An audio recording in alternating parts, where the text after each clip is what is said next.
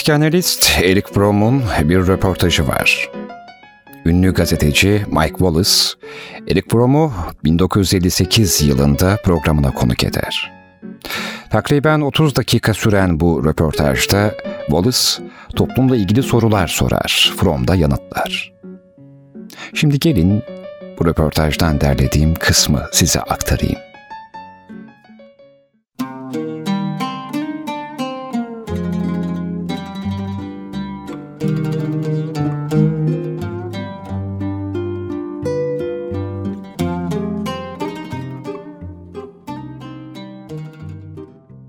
Toplumsal ilişkilerimiz göreceli olarak sığ. İnsanlarla samimi olmaktan aslında korkuyoruz. Çoğu kişi eşleriyle bile samimi olmaktan korkuyor. Samimiyet korkumuzu yüzeysel bir arkadaşlıkla takas ediyor ve daha doğrusu gizliyoruz ki aslında bu da hoştur ama yine de çok sığdır. Ortalama bir insan da sadece kişisel meselelerden gerçekten endişe etmektedir. Yani sağlığından, servetinden ve aile ilişkilerinden. Toplumu konusunda endişe duymamaktadır. Bu konudan bahseder. Ancak endişe etmek derken kişinin bazen uykularının bile kaçmasını kastediyorum ben. Ortalama bir insanın toplumu ve ülkesiyle ilgili meseleler hakkında uykusu hiç kaçmaz. Bir başka deyişle, özel yaşamını toplumunun bir üyesi olan varlığından ayırmış ve bunu ilgilenmesi için hükümetteki uzmanlara bırakmıştır. Olacaklara dair şahsi sorumluluğumuzu bunlarla ilgilenmesi gereken uzmanlara havale ettik. Birey olarak bir vatandaş, yargılayabileceğini hatta yargılaması ve sorumluluk alması gerektiğini hissetmiyor. Mesela tüm dünyanın varlığının mevzu bahis olduğu yıkım dolu bir savaş ihtimaliyle karşı karşıya kalsak ki kalındı da, insanlar gazetelerde ilk saldırıda yüz milyonlarca insanın öldürülebileceğini okusalar ki okudular da, Yine de sanki arabalarının karbüratöründeki bir hatadan bahsediyorlarmış gibi konuşuyorlar bu konuda. Aslında insanlar bir grip salgını tehlikesine karşı atom bombası tehlikesinden daha fazla dikkat ediyorlar. Belki bu söylediğim biraz abartı gelmiş olabilir. Keşke öyle olsa. Bir şeyler yapma sorumluluğundan bahsediyorum. Ama belki de durum basitçe şudur. İçinde yaşadığımız bu biçimsiz toplumda varlığımızı göstermenin çok zor olduğunu düşünüyoruzdur. Her bir birey bir şeyler yapmak istemektedir ama kendi varlığını ortaya koymakta güçlük çekmektedir. Birey olarak bir vatandaşın karar alma sürecinde görüşünü ortaya koyma, etkisini hissettirme ihtimali çok az. Bence kendi içinde epey bir politik uyuşukluk ve ahmaklığa yol açıyor bu. Birinin önce düşünüp sonra harekete geçmesi gerektiği doğrudur. Ancak şu da vardır ki birinin harekete geçme ihtimali yoksa düşünmesi de boşadır.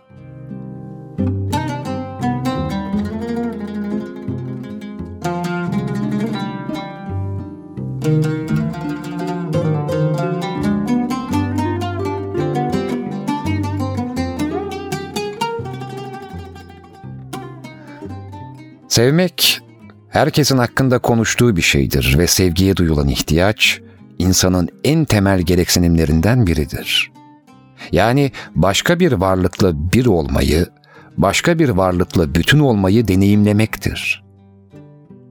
Yine de bugün sevgi görece ender görülen bir fenomendir. Çok fazla duyarlılığımız söz konusu.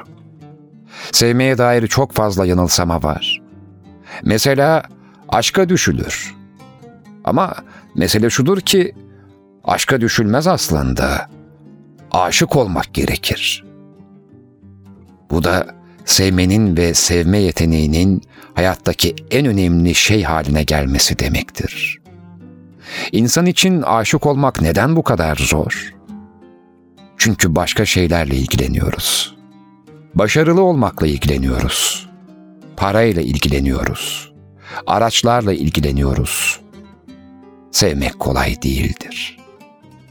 Eşitlikten, mutluluktan, özgürlükten, manevi değerlerden ve Tanrı'dan bahsediyoruz ama günlük yaşantımızda farklı ve kısmen çelişkili ilkeler üzerinden hareket ediyoruz. Hiçbir insanın başka bir insanın amaçlarına araç olmaması gerektiği anlamında hepimiz eşitiz. Her birey bizzat amaçtır. Bugün eşitlik hakkında çok fazla konuşuyoruz. Fakat bence çoğu insanın kastettiği şey aynılık. Herkesin aynı olması. Aynı olmazlarsa eşit olamayacaklarından korkuyorlar. Mutluluk bütün kültürel mirasımızın çok mağrur bir kelimesidir. Bugün insanların mutluluk derken ne kastettiğini sorarsanız, sınırsız tüketim yapmak olduğunu diyeceklerdir. Huxley'in Cesur Yeni Dünya'da söylediğine benzer şekilde, insanlara neyi cennet olarak gördüklerini sorarsanız ve onlar da dürüst olurlarsa, her hafta yeni şeyler gelen büyük bir mağaza ve yeni olan her şeyi almaya yetecek kadar para derler. Evet, böyle derler. Bugün mutluluk, sanıyorum ki çoğu insan için sonsuz emzirilmenin yarattığı tatmindir. Şundan, bundan veya ötekinden biraz daha içmektir.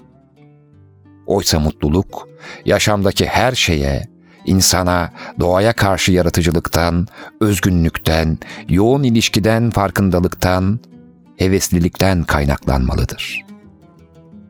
Mutluluk üzüntüyü dışlamaz. Hayata tepki veren bir insan bazen mutludur, bazense üzgün. Önemli olan tepki vermektir. Daha fazla şey üretmeye odaklandığımızda yoldan çıktık. Bu münasebetle akıl ve duygu arasında bir bölünme yarattık. Zira modern bir teknik üretmek için aklı kullanmak zorundasınızdır. Çok zeki ve akıllı olan insanlar yarattık. Ancak duygusal yaşamımız yoksullaştı. Evet. Kapitalizmden bahsediyorum. 200-250 yıl evvel ortaya çıkmış endüstriyel sistemden bahsediyorum.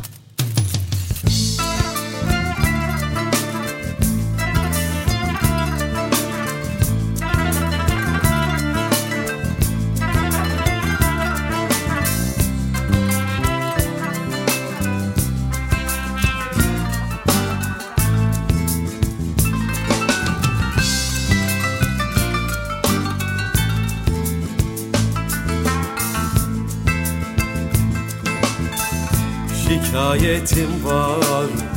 Cümle yasaktan Dillerimi hakim bey Bağlasan durmaz. Gelsin jandarma Polis karakoldan. Fikrim firarda Mahpusa sığmaz eyvah. Mahpusa sığmaz eyvah Olur yerle Yeksan olurum. Gün olur şahım Devri devranda. Kanun üstüne Kanun yapsalar Söz uçar yazı iki cihanda eyvah. İki cihanda eyvah. Annemin plakları. Sussan olmuyor, susmasan olmaz.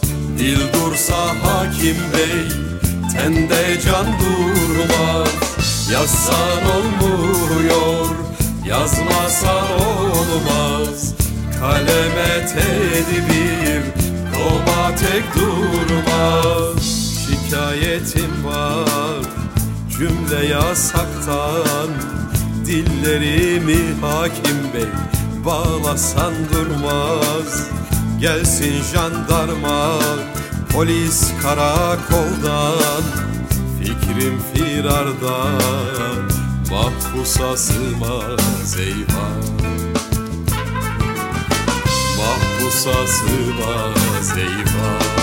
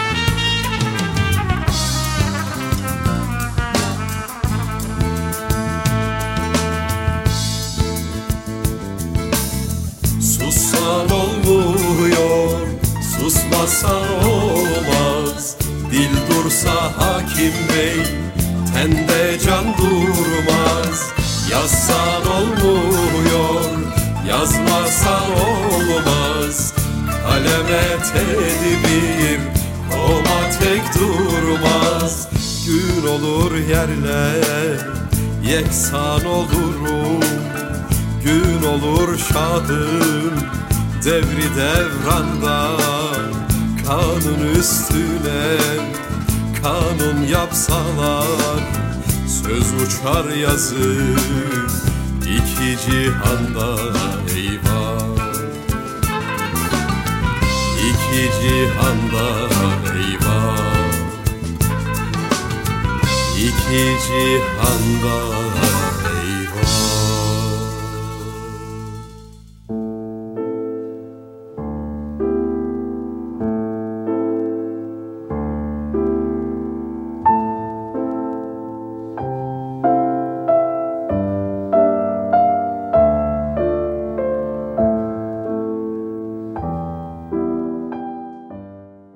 Cinsiyet ayrımcılığından ataerkil düzenin farkına varmadan kurtulmak mümkün değil. Ancak bunun öncesinde ırk, sosyal statü, sınıf ve cinsel eğilim ve bunun gibi farkların insanların her anlamda eşitliğini etkilediğini fark etmek gerekiyor. Kadın erkek ayrımı dışında sınıf farkı da kadınlar arasında ayrıma yol açıyor. Toplumsal değişim, kültürel normların değişimi, farkına varmak, bilinçle, irademizle seçim yapmak. İnsan olmanın temelinde sevgi var.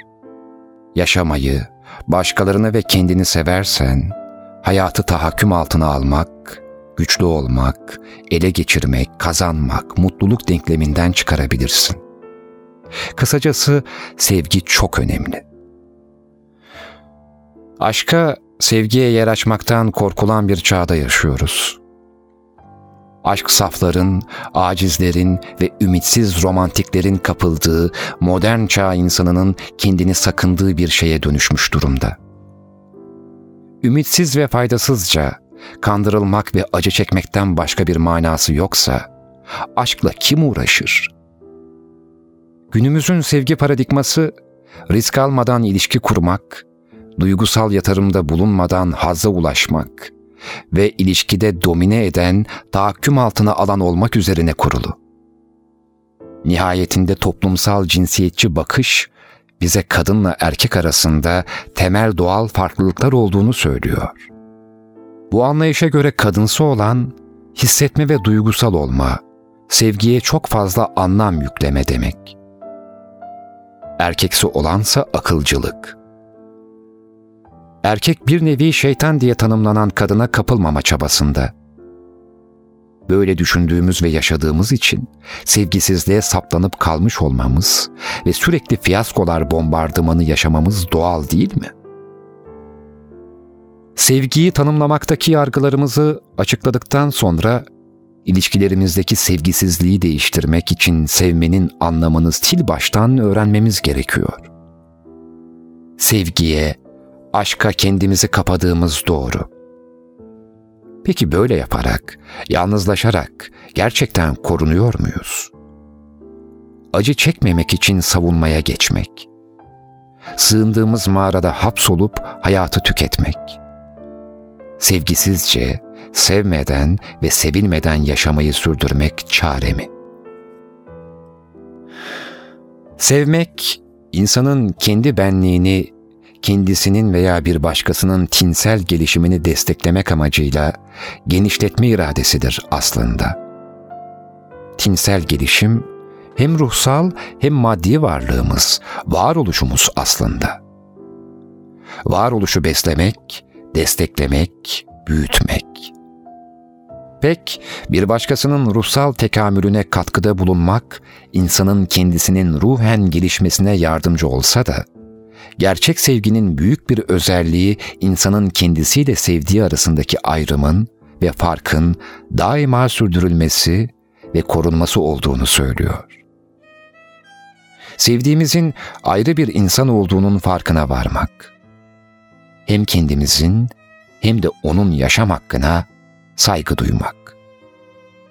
Tahakküm etmeye dayalı ilişkilerde eksik olan işte bu saygı ve beraberinde getirdiği sorumluluk bilinci.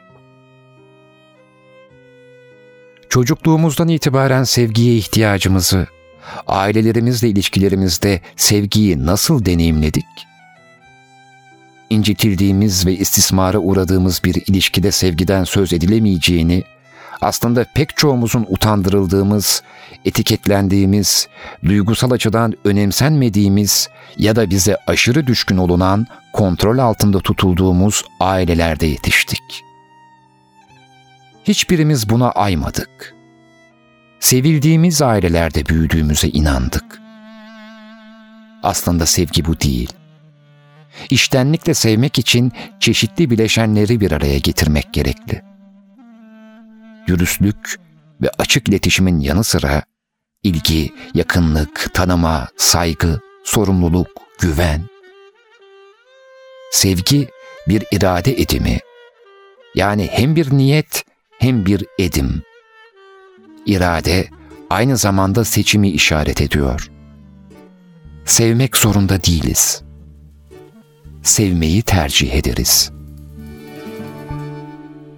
Yollara vurmuşum şu genç ömrümü. Firari gönlüme yağmurlar yağsın. Yollara vurmuşum şu genç ömrümü. Firari gönlüme yağmurlar yağsın. İstemem ey şehit istemem üstü kalsın Alacağım senden değil yarim utansın. İstemem ey şehit istemem üstü kalsın. Alacağım senden değil yarim utansın. Arama beni kimseye sorma. Ne haldeyim neredeyim kimin umrunda Arama beni kimseye sorma. Yüreğine yaz beni sakın unutma. Arama beni kimseye sorma. Ne haldeyim neredeyim kimin umrunda? Arama beni kimseye sorma yaz beni sakın unutma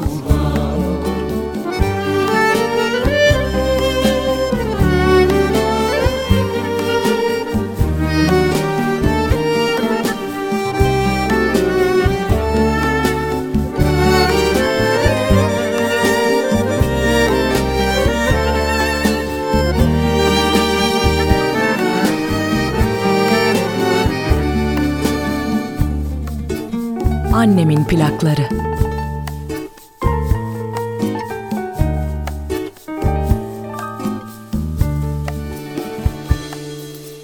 Yokluğun yakar beni cehennem gibi.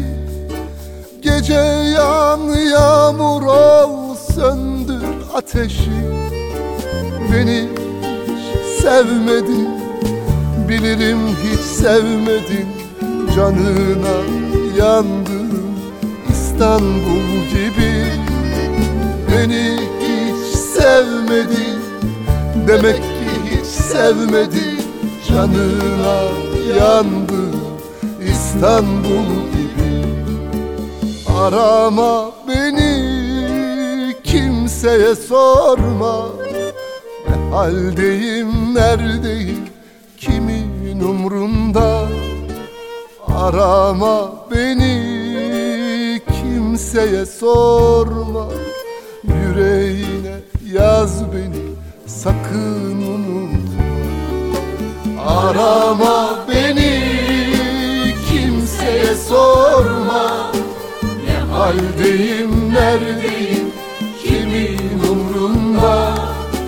Arama beni kimseye sorma sakın unutma. Arama beni Kimseye sorma. Ne haldeyim neredeyim Kimin umrunda? Arama beni Kimseye sorma. Yüreğine yaz beni Sakın unutma. Arama beni Kimseye sorma. Ne haldeyim neredeyim Kimin umrunda? Arama beni Kimseye sorma. Yüreğine yaz beni Sakın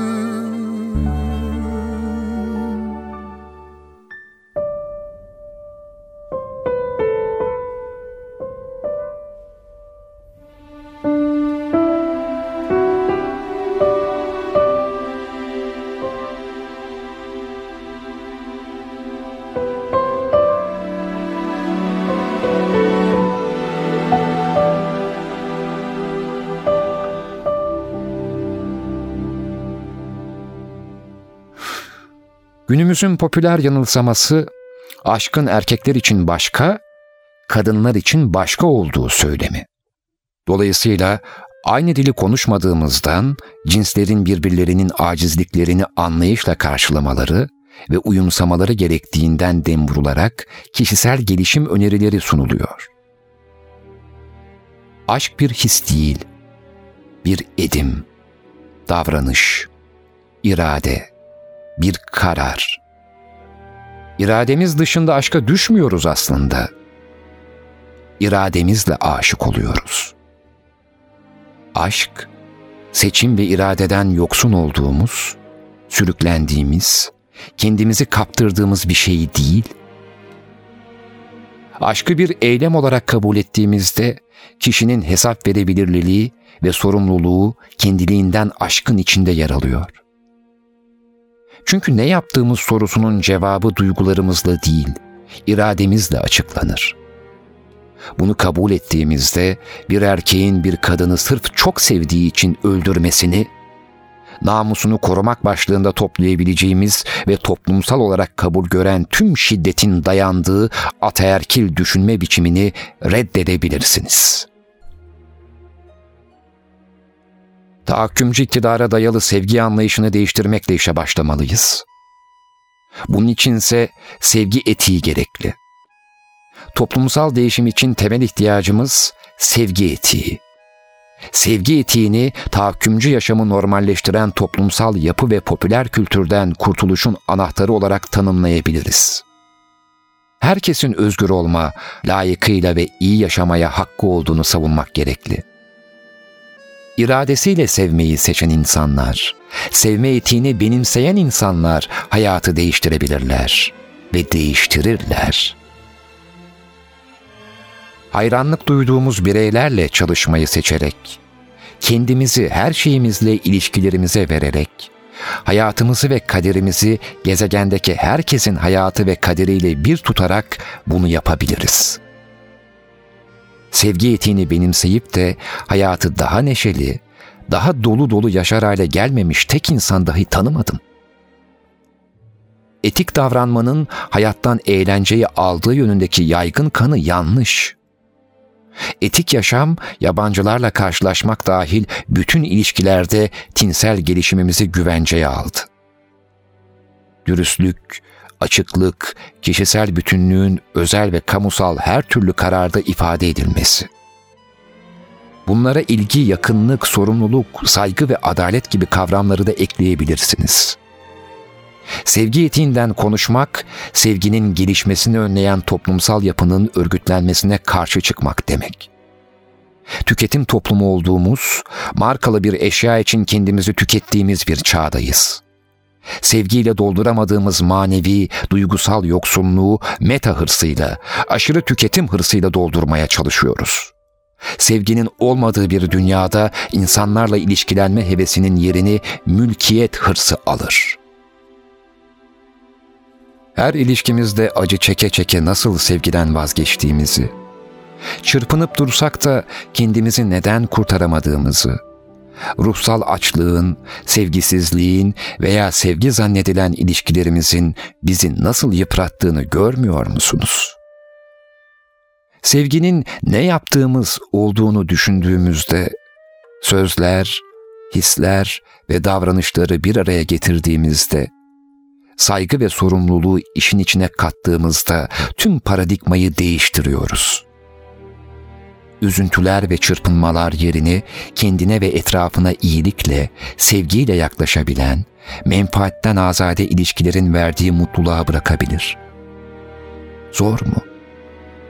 Zor tabii. Ama toplumsal normlarla derdi olana da bu yakışır.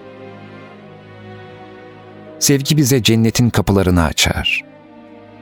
Yine de birçoğumuz kapının dışında öylece durur. Eşikten içeri adımımızı atmayı beceremeyiz. Ardımızda bırakmayı göze alamadığımız onca şey biriktirmişizdir ve bunlar sevgi yolunda ayağımıza dolanır. Aşıklar, yanılgıya düşerek aşık olma riskini, şüpheye düşerek aşksız kalma riskine tercih etmelidirler.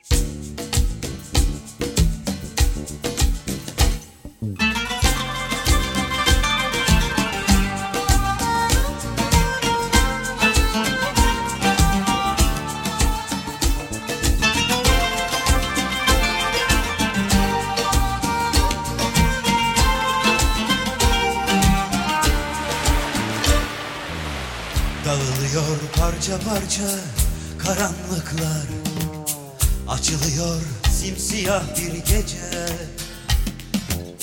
Uzanıyor dalga dalga sonsuzluğa. Unutulan düşlerimiz nerede? Sevgiyle başlayan hayat Seni bir gün çağırınca Vira vira demir aldı dünya. Açılmış hayalleri rüzgarlara. Vira vira dalgalandı dünya. Terk edip halatları limanlarda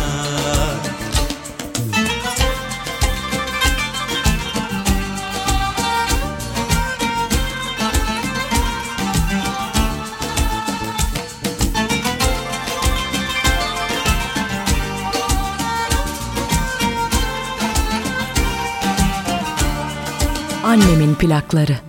Yıkılıyor tüm sınırlar birer birer. Kapanıyor simsiyah bir gece. Açılıyor hep yürekler denizlere.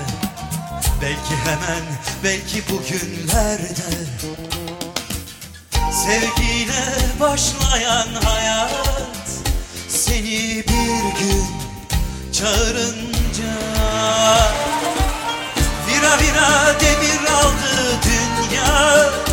Açılmış hayalleri rüzgarlara. Vira vira dalgalandı dünya. Terk edip halatları limanlarda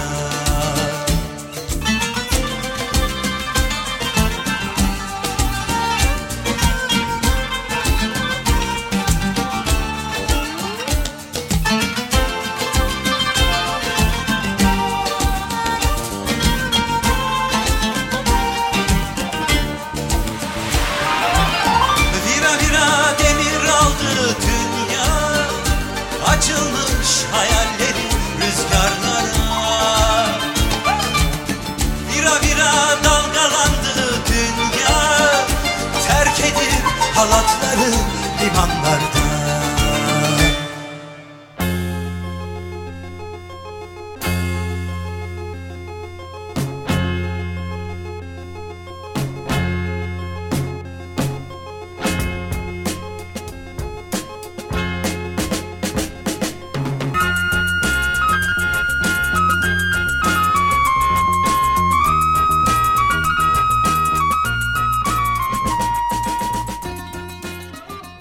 Kedilerden daha önce de bahsetmiştim.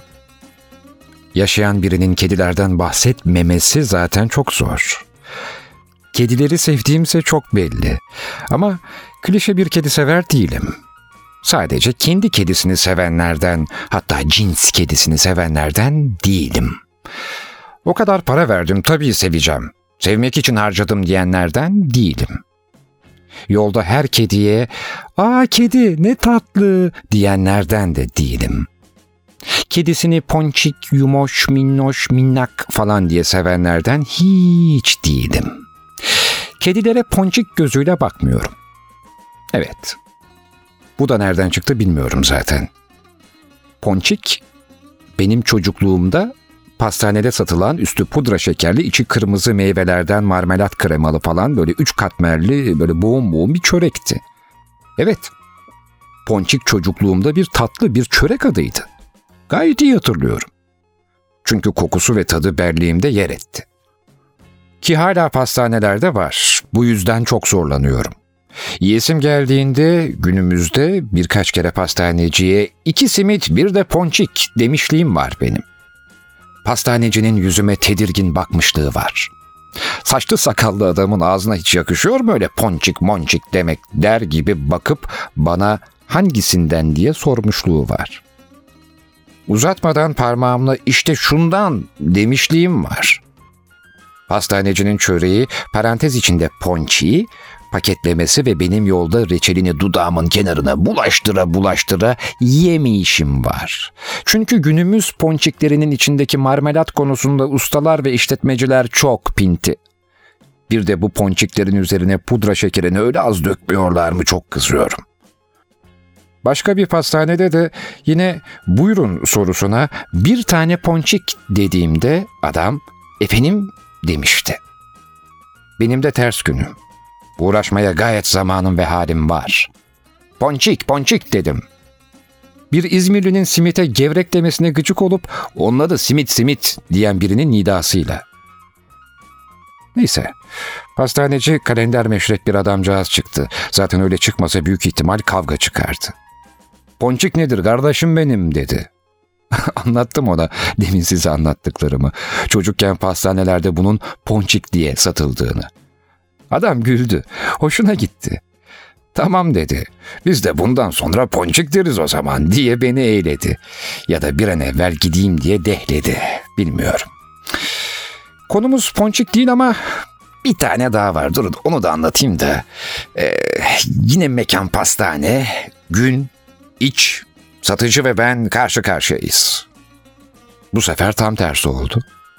Hiç öyle ponçik falan da demedim. Direkt camakanlı tezgahtan elimle işaret ederek bir tane şundan dedim. Pastaneci hangisinden diye sordu. Belki biliyordur diye ponçiklerden dedim. O neymiş ki diye tersledi beni bip adam. Ben de tarif ettim. Ahanda şu üstü pudra şekerli olan üç boğumlular dedim. He ne oluyormuş onun adı ki diye sordu. Ponçik dedim.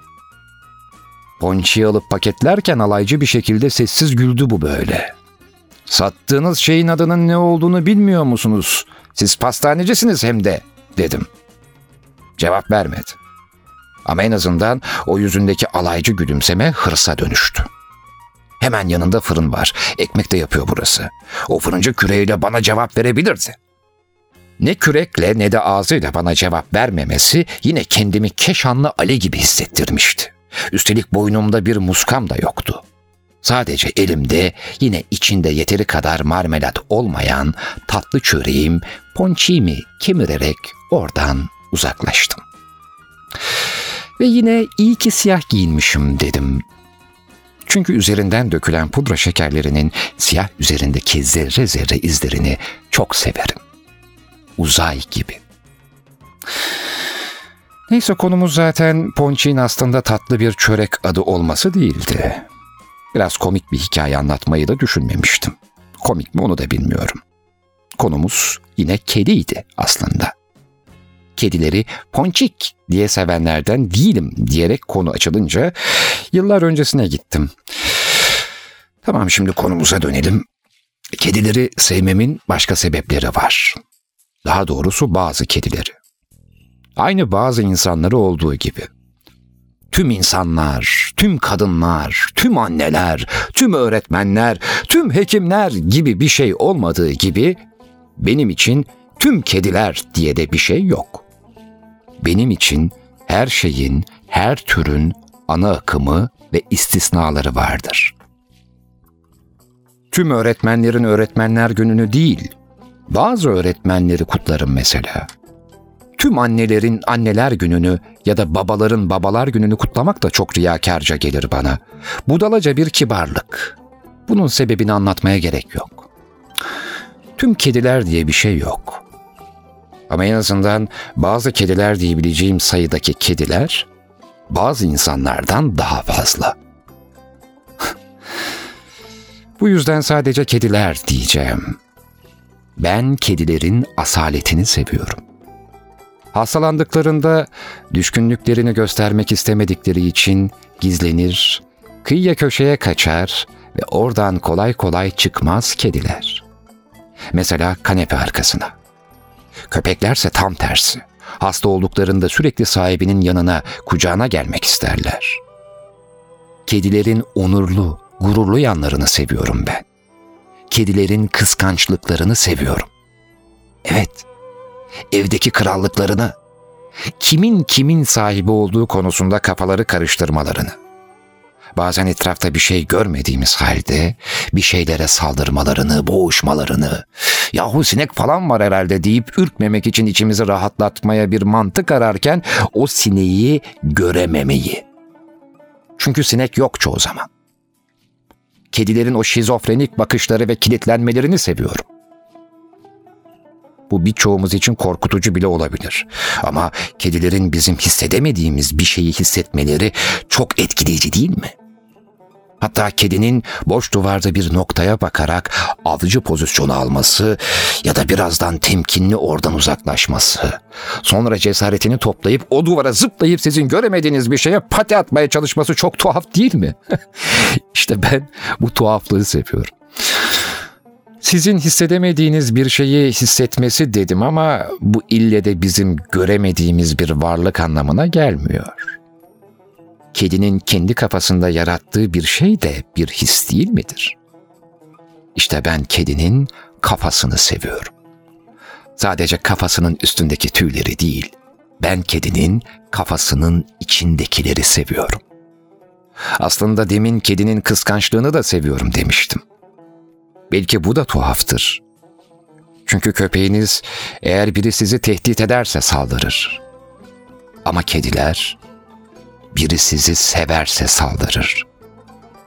Evinize gelen bir misafirinize yakınlık gösterip onunla ilgilenirseniz, odanın bir köşesinde pusuya yatan kediniz, misafiriniz ilk ayağa kalktığında av olacaktır. Daha da fenası, kedinizle hiç ilgilenmeyip sadece misafirinize yoğunlaşırsanız, kediniz kendisini önce misafirinize, sonra da size gayet haşin bir şekilde hatırlatacaktır. Ve siz bu kediye hala ponçik mi diyorsunuz?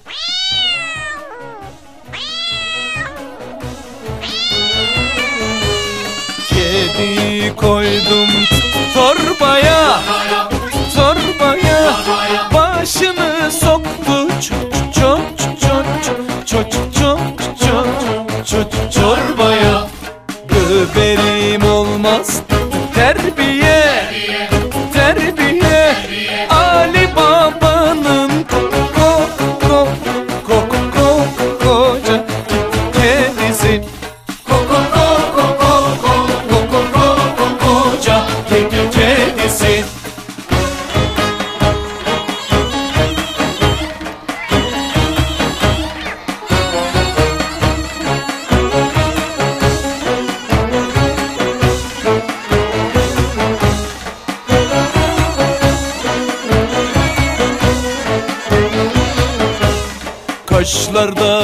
puede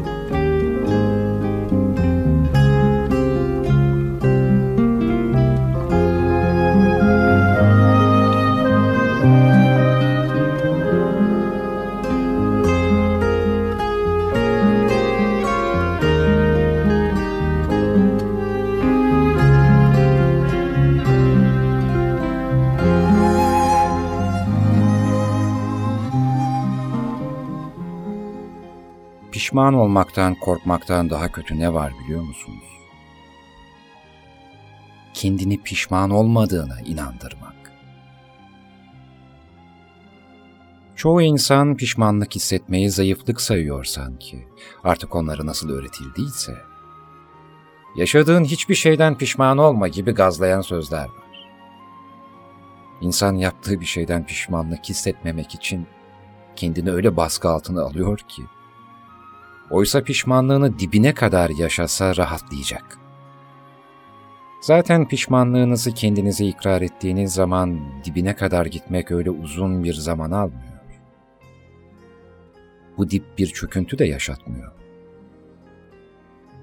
Ömür boyu aklınıza geldikçe pişman değilim diye kendinizi kandırmak yerine bir kere pişmanım ya deseniz her şey daha doğal olacak.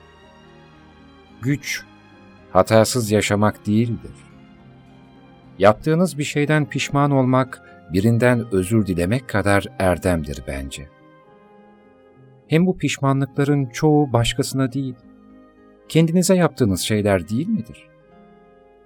Yani pişman olduğunuz nedir ki hem? Bir şiddet olayından falan bahsetmiyorum. Mahkemede hakime çok pişmanım diyen bir caniden bahsetmediğimi biliyorsunuz daha içsel şeyler. Aldığınız bir karar mesela.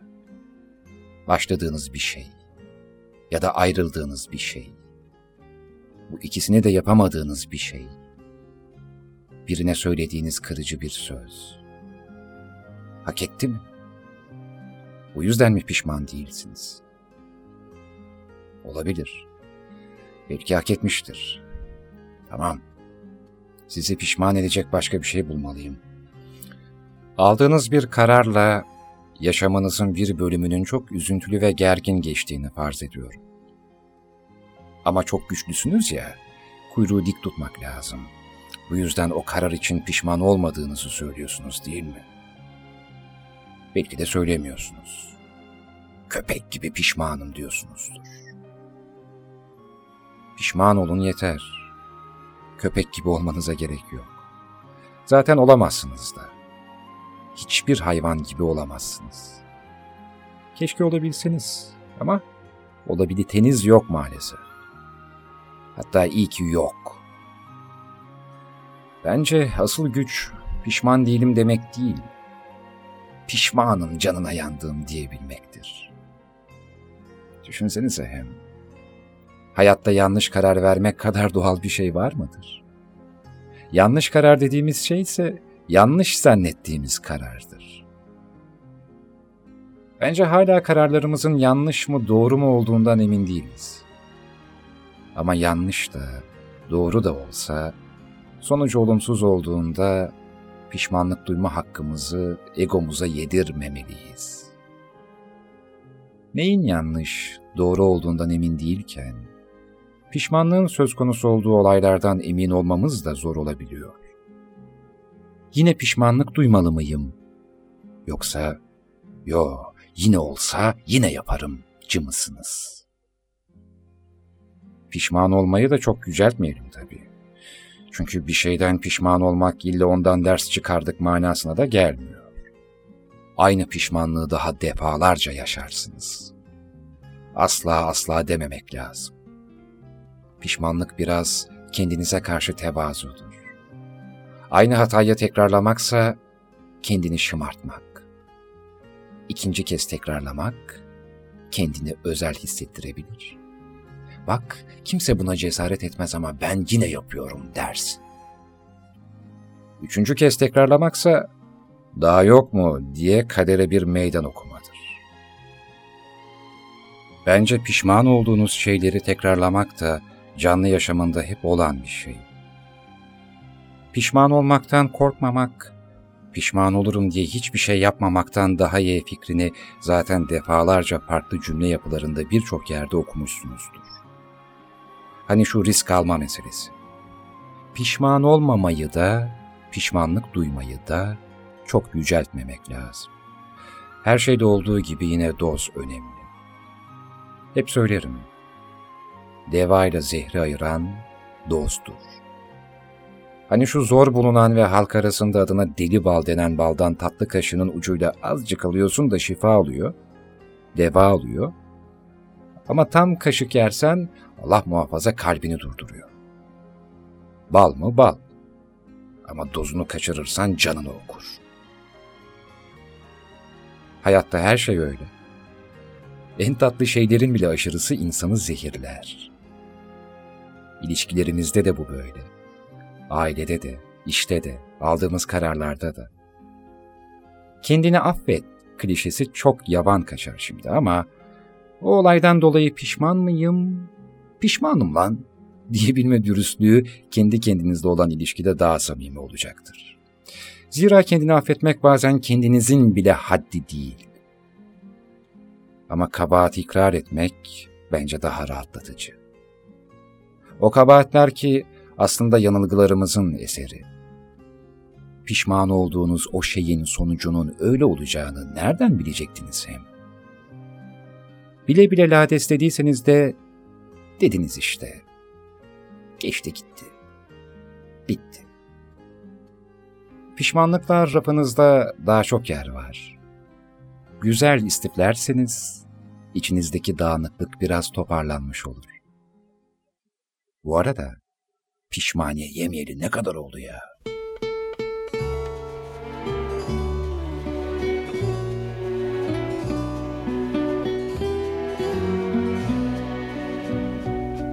Le vieux marin n'est plus et nul ne viendra le pleurer, ni un ami, ni une femme seule.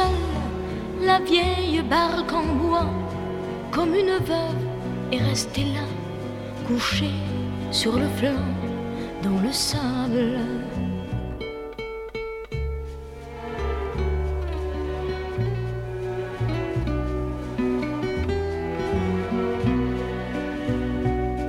La vieille encre rouillée, les avirons, le lourd filet, seul témoin des joies et des larmes, de souvenirs de tous les jours qui dorment là, dans le bois de la vieille barque.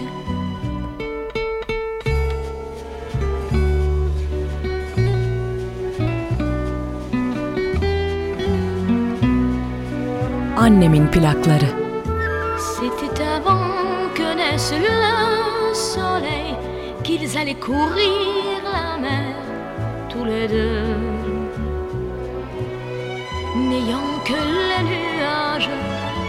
Pour guider le voyage et les étoiles dans les cieux sont les matins bleus, les grands oiseaux jouant avec eux à cache-cache au creux des vagues quand la barque et le marin regardaient naître ces matins à l'heure où mouraient les étoiles. Vieux marin la vieille barque est restée là. Elle attend sans doute une vague qui alors l'emportera pour lui faire faire ce jour-là à son tour un dernier voyage.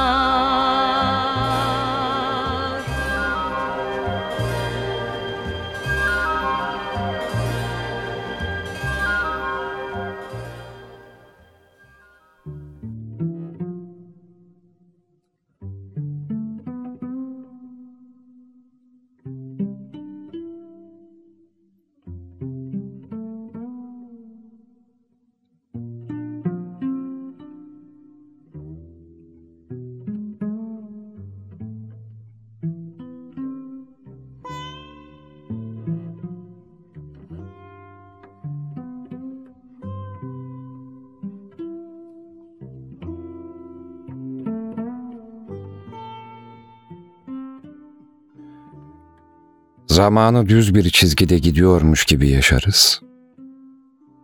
Ama bu uzay zamanının dışında dört boyutlu bir perspektiften bakarsak, zaman diye bir şey yoktur. Gördüğümüz uzay zamanı dümdüzdür. İçindeki her şey üst üste bindirilmiş tek bir heykel gibi yani. Ve sezilerimiz, hayatımız, yarış pistindeki arabalar gibi daireler çizer. Yani bizim boyutumuz dışında kalan her şey sonsuzluktur ve sonsuzluk bize tepeden bakar. Bize göre ise o bir kubbedir ama onlara göre bir çember. Bence insan bilinci evrimde trajik bir şekilde ilerledi. Çok fazla bilinçlendik çok fazla. Doğa kendinden bağımsız bir bakış açısı yarattı. Bizler doğa kanunlarına göre var olmaması gereken yaratıklarız. Hepimiz bir yanılsama içindeyken, duyusal deneyimler ve hislerin gelişimi sayesinde birey olduğumuzu sanan fakat aslında bir hiç olan bireyleriz. Ölüm zamanı yarattı öldüreceği şeylerin büyümesi için. Büyüdükten sonra ölmek biraz sorun yaratıyor. Fark ediyorsun ki tüm hayatınız, sevginiz, nefretiniz, hatıralarınız, acılarınız hepsi aynı şeydi. Hepsi bir rüyaydı. Kilitli bir odada sakladığınız rüya. İnsan olduğuna dair bir rüya başka biri olabilirdim. İnsanların kendilerine söylediği tüm yalanlar arasında bahse varım en yaygını budur. başka biri olabilirdim. İyi de başka biri olsaydın da bugün yine aynı şeyi söyleyecektin. Bundan hala yalan mı var? Başka biri olabilirdim. Kimse kendi parasıyla zengin olmaz. Sen hiç kötü bir adam olup olmadığını merak ettin mi? Dünyanın kötü adamlara ihtiyacı var. Biz de diğer kötü adamları uzakta tutarız. Gözlerinin ucunda ruhunu görebiliyorum. Yıpratıcı, asit gibi. İçinde bir şeytan var küçük adam. Öfkemi dindiren tek şey, insanları dibe çektiğim zamanlar benim hissettiklerimin onda birini hissettirmek. Ölü olmanın asıl mantığı hiçbir kuralın olmamasıdır.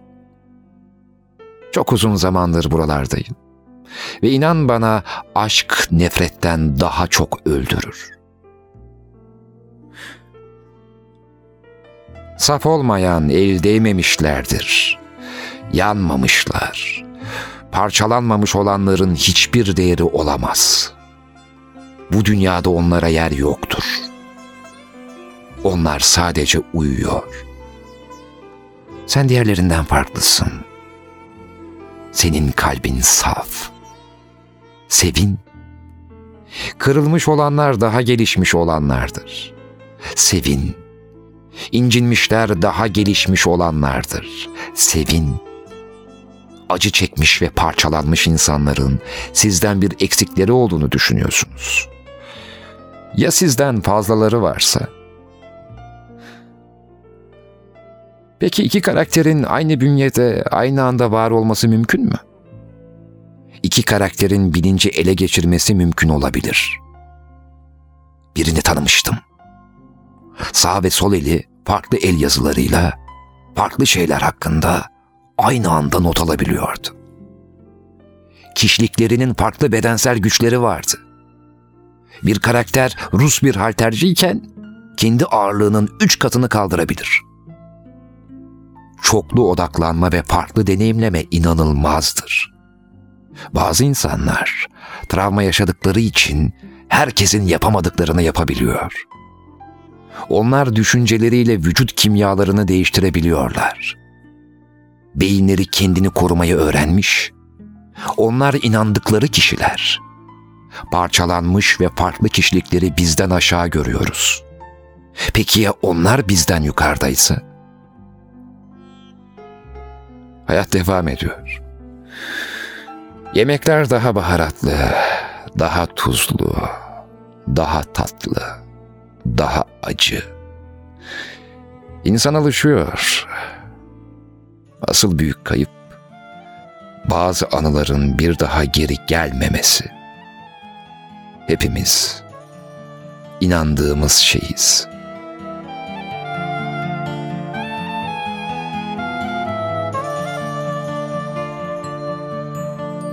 Zaman seni meçhulden aldı zalim deli zaman Bana getirmeden oyaladı, hırpaladı Zaman seni meçhulden aldı zalim deli zaman. Bana getirmeden oyaladı, hırpaladı. Karanlığın hükmü soldu bende. Şafak söktü artık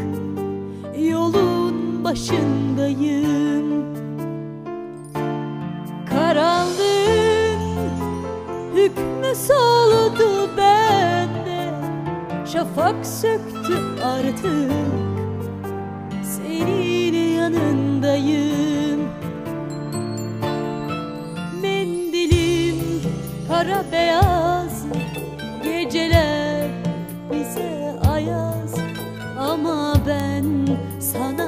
helal Gülsene bana biraz. Ovalar, dereler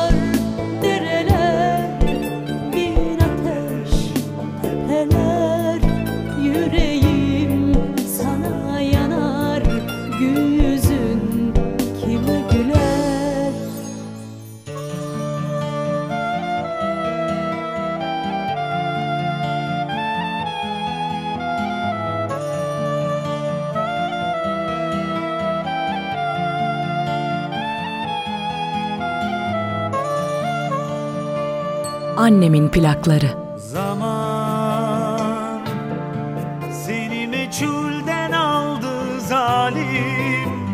Deli zaman Bana getirmeden oyaladı, hırpaladı. Karanlığın hükmü soldu bende. Şafak söktü artık Yolun başındayım. Mendilim kara beyaz Geceler bize ayaz. Ama ben sana helal Gülsene bana biraz Ovalar,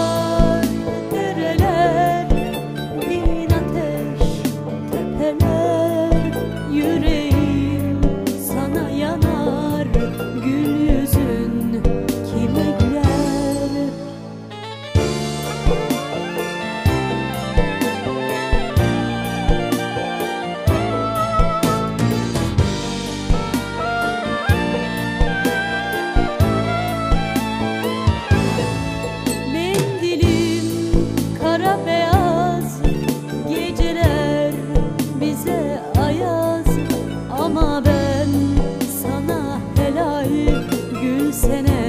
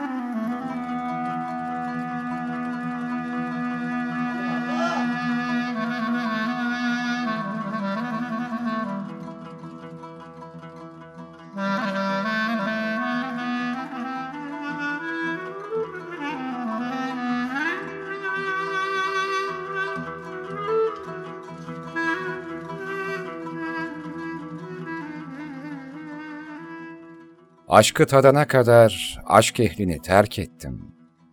Sonra hayret ettim. Aşık olmayanlar nasıl ölebiliyor, diyor şair. Aslında şöyle demesi gerekirdi. Sonra hayret ettim. Aşık olan nasıl ölebiliyor? Ya da şöyle demeliydi. Aşık olmayan nasıl yaşayabiliyor? Kim ki aşkı kendinden bilirse aldandı. Aşk haktandı. İşte bu yüzden ne aşık ölümlüydü, ne de aşksız olan yaşayandı. İlk söz niyetine her kapının bir giriş anahtarı vardır. Her kalbin bir ilk adımı, her kaderin bir ilk sözü, başlangıçla bitiş arasındaki nefes alıp verişlerin süresi kadardır ömrün sözcükleri. Sözcüklerle başlar Adem'in keşfi, ilk bakış cennetin yüzeyine, ilk hayret, ilk irkilme ve ilk buluşma yaratılan tüm hazinenin kendisine. Ve dönüp tekrar kendine bakması, belki bir cennet ırmağının beliren aynasında yahut cennetin ulvi bir köşesinin duvarında yansıyan gölgesinde kendini ilk kez bulma anı gibi bir ilk adım. Şimdi bir kelam sayfasının eteğine oturduğum vaktin gölgesinde kendime yeniden bakarken ilk kez hayret ediyormuşçasına yaşadığım irkilmenin idrakıyla dökülüyor sesler ağzımdan, sonra kelime kelime ve en nihayetinde cümle cümle. Ve biliyorum ki benim gibi bu kelam risalesinin eteğine oturan her kalp kendi gölgesine rastlayacak ve onların da dilinde dökülecek ilk kelime. Birbirinin aynı olmasa da birbirini tamamlayacak. Sözcüklerin, hikayelerin, eşyaların, hayvanların ve tüm bitkilerin de insanlar gibi kendi alemi olduğunu, ve her alemin kendine özgü bir dili olduğunu öğrenecek her kalp ve en nihayetinde anlayacak ki değişmeyen her ne varsa şu alemde aynı kapının eşiğine gelecek.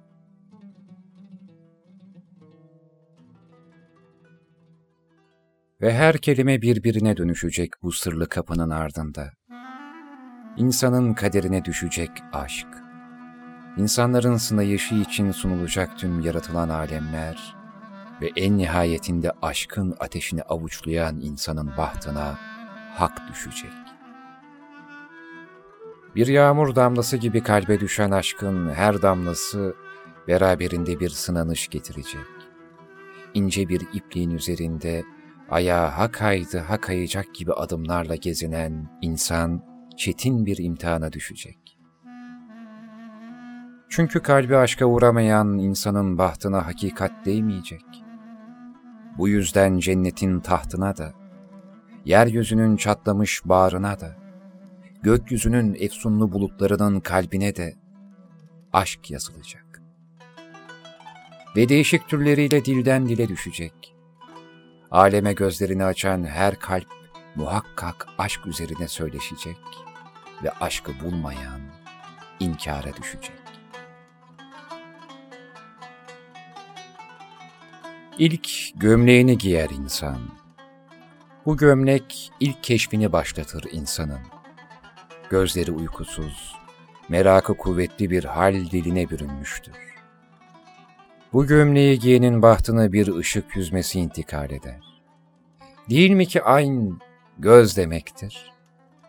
O vakitten itibaren bahtına aynı düşen insan, ışıkla ilk temasın hayretindedir. Aşk görmekle başlar ama gönül gözüdür buradaki ay. Gönülle görür ve ilk sırrına düşeriz aşkın. Ayn. Evet. Aynı. Aynı. Tıpkısı. Öteki anlamı. Pınar, kaynak. İzaha gerek var mı?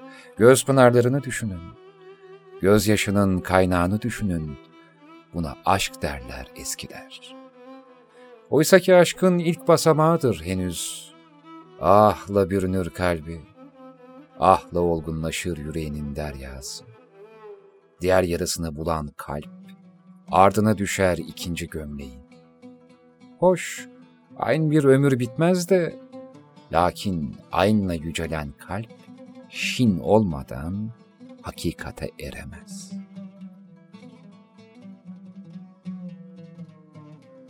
Aynı gömleğini taşımış olan kalbin ellerinden tutar. Böylece ikinci gömleğinde sır kapısı açılmış olur. Ş, bir kelimenin önünde yürüdüğü zaman ona şekil verir. Kelimenin ortasında yer alırsa esası teşkil eder. Kelimenin ayak ucunda bile dursa onu baş yapar. İçinde şey harfi olmayınca şah olmaz hiçbir kelime. Şey insanı tanımlayınca insana şahsiyet verir. Onu şey şah yapar, şeyh yapar, şövalye yapar, şakir yapar, şakirt yapar, şehsuvar eder, şerefli yapar, şeytanla işbirliğine girer, şaki yapar. İnsan gömleği giydiği vakit, insanın kalbinin hacmi neyse ve neyin yoluna baş koyarsa, şey onu hale bürür.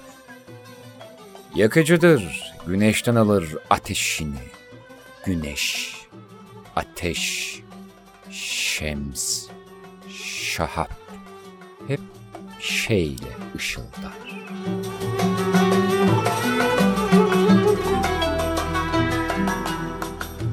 Cennetten çiçek topladım sana Herkes aşk diye kıvranıp duruyorken Ben en saf halimi sakladım sana. Sen deneyip deneyip yanılıyorken Kuruttum çiçekler tarih oldu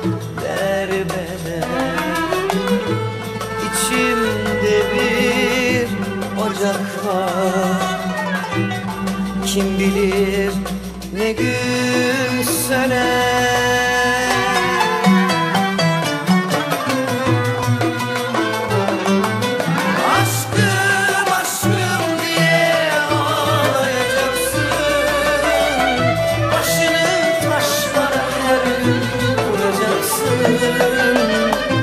Sesini duyan yok ki şimdi sıra bende. Ben bittim şimdi sıra sende. Aşkım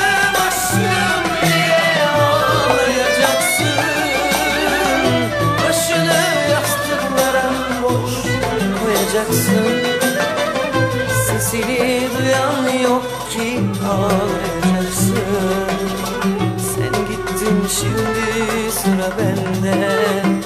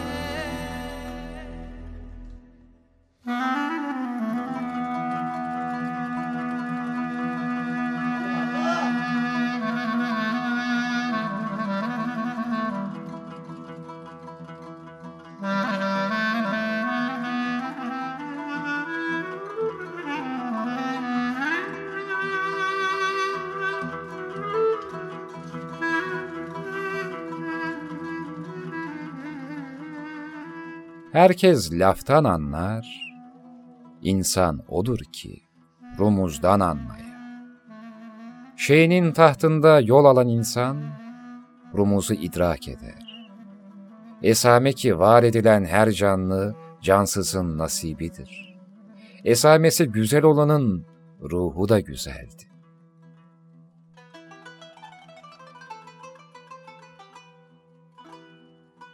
Aynla uyanan insanın yas makamıdır. Aşk için bu makamı aşması gerekir. Hakikat ucuz değildir zira. Aynla görür, şinle mateme girer gönül. Çünkü öyle bir ateşe düşmüştür ki artık hiçbir ateş yakamaz onu. Öyle bir mateme bürünür ki karanlıktan başka dostu olmaz aşığım. Ah, şin düşersin bir yüreğe, hiçbir şeyin tadı kalmaz ateşten başka. Ateşten başka. Böylelikle matemin içinde güzelliğe erişir gönül. Bakanın imrendiği, yanından geçeni kendine çeken, konuştuğunda hayranlık bırakan, gönülden ötesini gören ayn haliyle, matemi yüreğinde büyüten şin haliyle şahlanır gönül. O artık hakikat için ateşten, kuyudan nasiplenmiştir. Gecenin yolcusu, aydınlığın yorgunu olmuştur. O artık öteleri arzulayan, baktığı her şeye mana katan bir isme bürünmüştür. Üzerinden sekineler geçmiştir. Tenin yakıcılığını da, ruhun ulviliğini de idrak eden olmuştur. ahı bilmiş, u içinde yola düşmüştür. O artık sıradan bir yaratılan değildir. Kendini dizginlemiş, vecde kapılmıştır. O artık sıradan bir yaratılanın ötesindeki çizgiye yükselmiştir. O artık kalbinin merkezine koyduğu sanatkarına bir şah damarı kadar yakın olduğunun idrakındadır. Ve onu ona götüren kalbin ellerini unutmamıştır. Leyla demiştir. Lakin asıl Leyla'nın kim olduğunu bilen olmamıştır. Şimdi Leyla için son gömleğin derdindedir insan.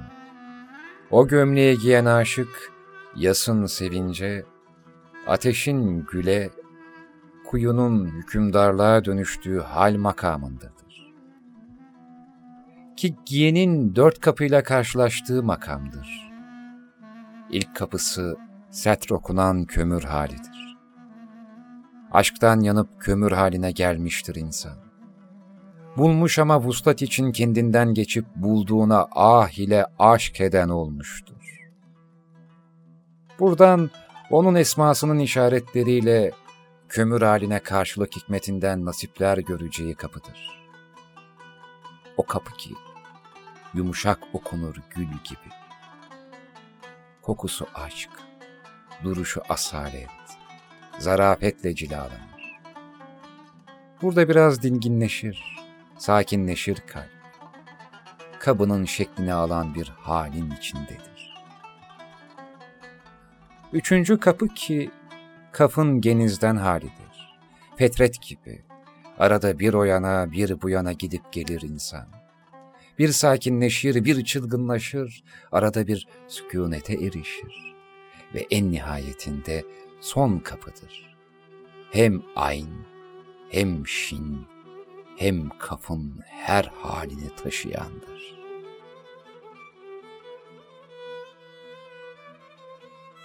Artık son kapıda çift çizgidir hali. Burada tüm cilvelerini yaşamıştır hayatın ve ömür risalesine notlar düşmüştür. Ve en çetini aşkla imtihanıdır. Ve aşk onun hakikate ulaştıran aynayla bir olmuştur ve sonunda her şeyin sahibi olanla bütünleşmiştir. Yani aşk olmuştur. Bir derya, bir alem ki içinde kabri, yeryüzünü ve ahireti barındırır. Mahşer gibidir. Cennette cehennem de onun içindedir. Ve bir tek esamesini bilen, sahibine tutunan hakikate erişmiştir. Kafa gelince bilirsiniz. Kaf nasıl bir dağdır ve nasıl efsanedir. Kimse ulaşamaz Kaf Dağı'na. Evet, pek zordur hani. Aşkça. Hiç şansımız yok mu diye sorgular insan. Aşk öyle bir deryadır ki aslı bulana nimettir. Sahtesi bir dilin içinde kelam kelam benim olan diye gezinendir. Nasibin olmaz diyemem, üstelik henüz yeni gelmişken kapısına. Kavuşmuşken aşkın manasına. Kafa gelince aşkın son tepesidir, Kaf Dağı gibi. Çıkmak zor, bulmak zor kafa. Efsanedir, füsundur çünkü. Gören olmamıştır, duyan olmamıştır. Hatta öyle ki aşkı tüketen olarak tanımlayan dahi olmuştur kafa. Adına şehvet demişlerdir. Hatta kitapta adı geçmiyor öyleyse yoktur diyenler de olmuştur. Ama yaratılan her canlının aklı da, kalbi de aşkla hasbihal etmiştir. İşte bu bile hakikate giden yolda diğer yarına muhtaç olduğunu gösterir. Değil mi ki her canlı çift yaratılmıştır ve her canlı karşı cinsiyle bir kılınmıştır. Ötesi ziyan diye yazılmıştır. Ayn, şin, kaf. Aşk.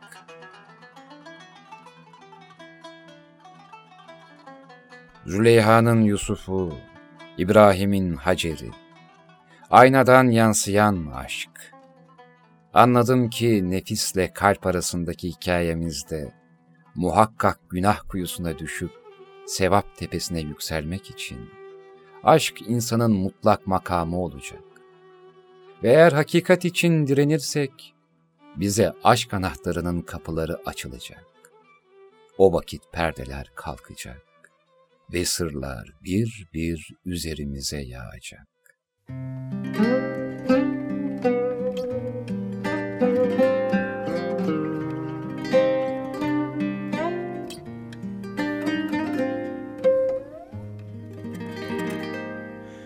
Çok mu kolay bu son demesi?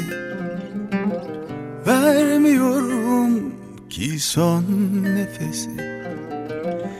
Ellerin eskisi gibi beyaz mı? Bana bunları o ellerle mi yazdın?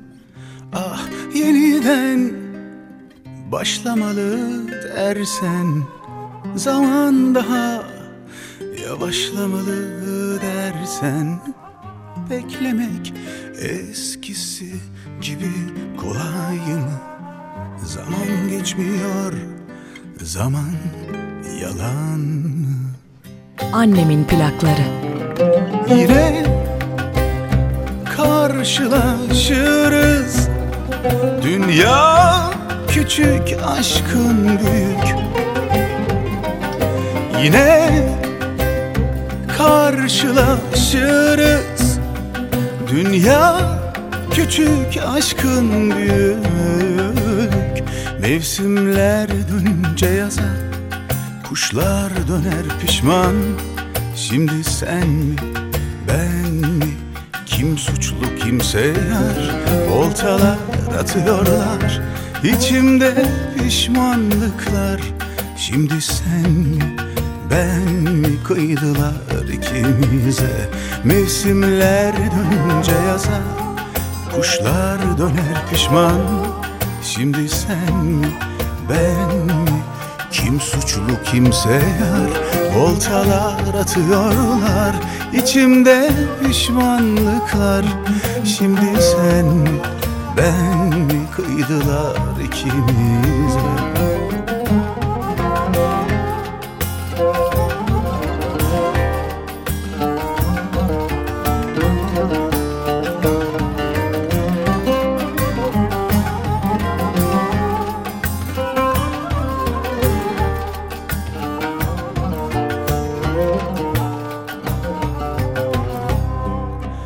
Çok mu kolay bu son demesi? Vermiyorum ki son nefesi. Ellerin eskisi gibi beyaz mı? Bana bunları o ellerle mi yazdın? Ah yeniden başlamalı dersen Zamanı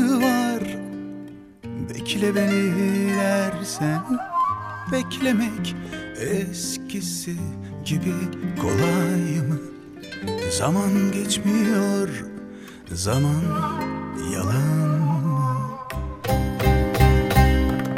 Yine karşılaşırız Dünya küçük aşkın büyük Yine karşılaşırız. Dünya küçük aşkın büyük. Mevsimler dönünce yaza Kuşlar döner pişman. Şimdi sen ben mi? Kim suçlu kimse yar? Voltalar atıyorlar İçimde pişmanlıklar. Şimdi sen ben kıydılar ikimize. Mevsimler dönünce yaza Kuşlar döner pişman. Şimdi sen mi ben mi? Kim suçlu kimse yar? Oltalar atıyorlar İçimde pişmanlıklar. Şimdi sen mi ben mi? Kıydılar ikimize. Mevsimler Kuşlar sen mi ben mi? Kim suçlu kimse yar? Voltalar atıyorlar içimde pişmanlıklar. Şimdi sen mi ben mi kıydılar ikimize? Çok mu kolay bu son demesi Vermiyorum ki son nefesi Sen ne yazarsan yaz ey sevgili Mektupla biten ömrümce sürmeli Yok sensiz olmaz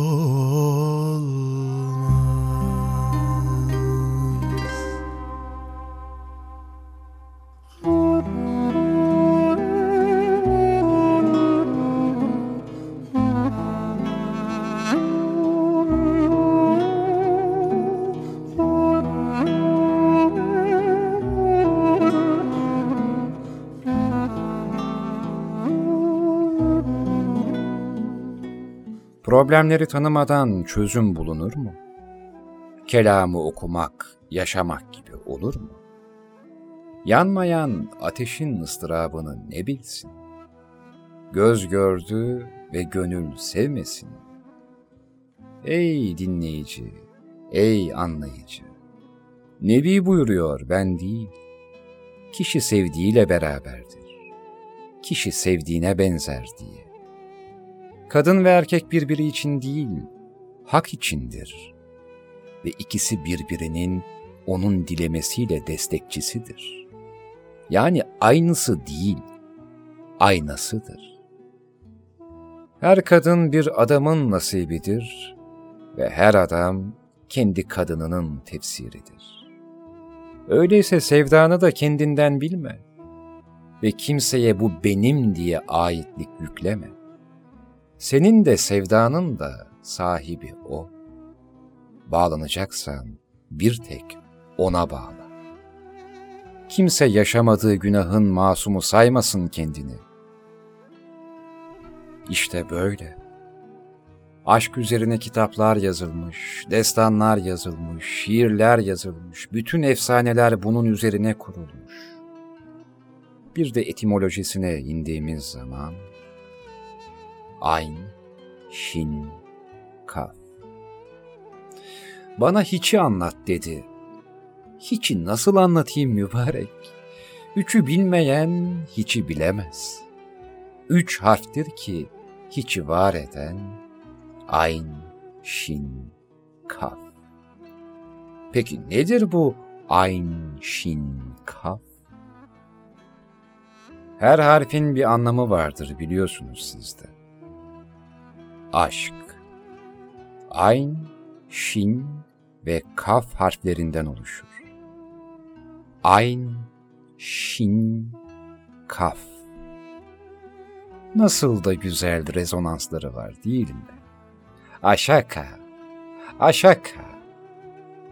Ayn, göz demektir. Aşk görmekle başlar ama gönül gözüdür buradaki ayn gönülle görür ve ilk sırrına düşeriz aşkın. Ayn, evet ayn, aynı, aynı, tıpkısı, ötekisi. Şin harfinin sırrını zaten bayağı bir anlattım. Ne kadar anlatsam da hoş, ayrı, bir ömür bitmez de. Bildiğimizden filan değil işte. Şin Farsça yas ya da matemdir. Aynla görür, şinle mateme girer gönül. Çünkü öyle bir ateşe düşmüştür ki, artık hiçbir ateş yakamaz onu. Öyle bir mateme bürünür ki, leyl, yani gece, yani karanlıktan başka dostu olamaz aşığın. Ah, Şin düşersen bir yüreğe hiçbir şeyin tadı kalmaz ateşten başka. Ateşten başka. Şimdi aşkı hem de böyle üzerinden geçe geçe etimolojik olarak anlatıyorum. Ama sözlü olmuyor işte. Aşk anlatılmakla anlaşılsaydı ne güzel olurdu. Ama aşk yaşanmakla anlaşılsaydı da güzel olurdu. Ama aşk ölmeden anlaşılamıyor ki. Ölüler ne anlatsın? Ah mübarek. Ve kaf, böler, ikiye, bölücüdür diğer bir anlamı da. Yani aşk, yani aynı şin kaf, görür, yanarsınız ve mateme düşer, ta ki ortadan ikiye ayrılıncaya kadar gönül, birden iki çıkar. Ah, ah evet, yaşamak lazım, ölmek lazım. Yaşamak yalandır mübarek, ölüm de yalan. Sadece aşktır bize kalan. Aşkla kalınız ve aşkla ölünüz. İki keklik bir derede imanımda ötüyor.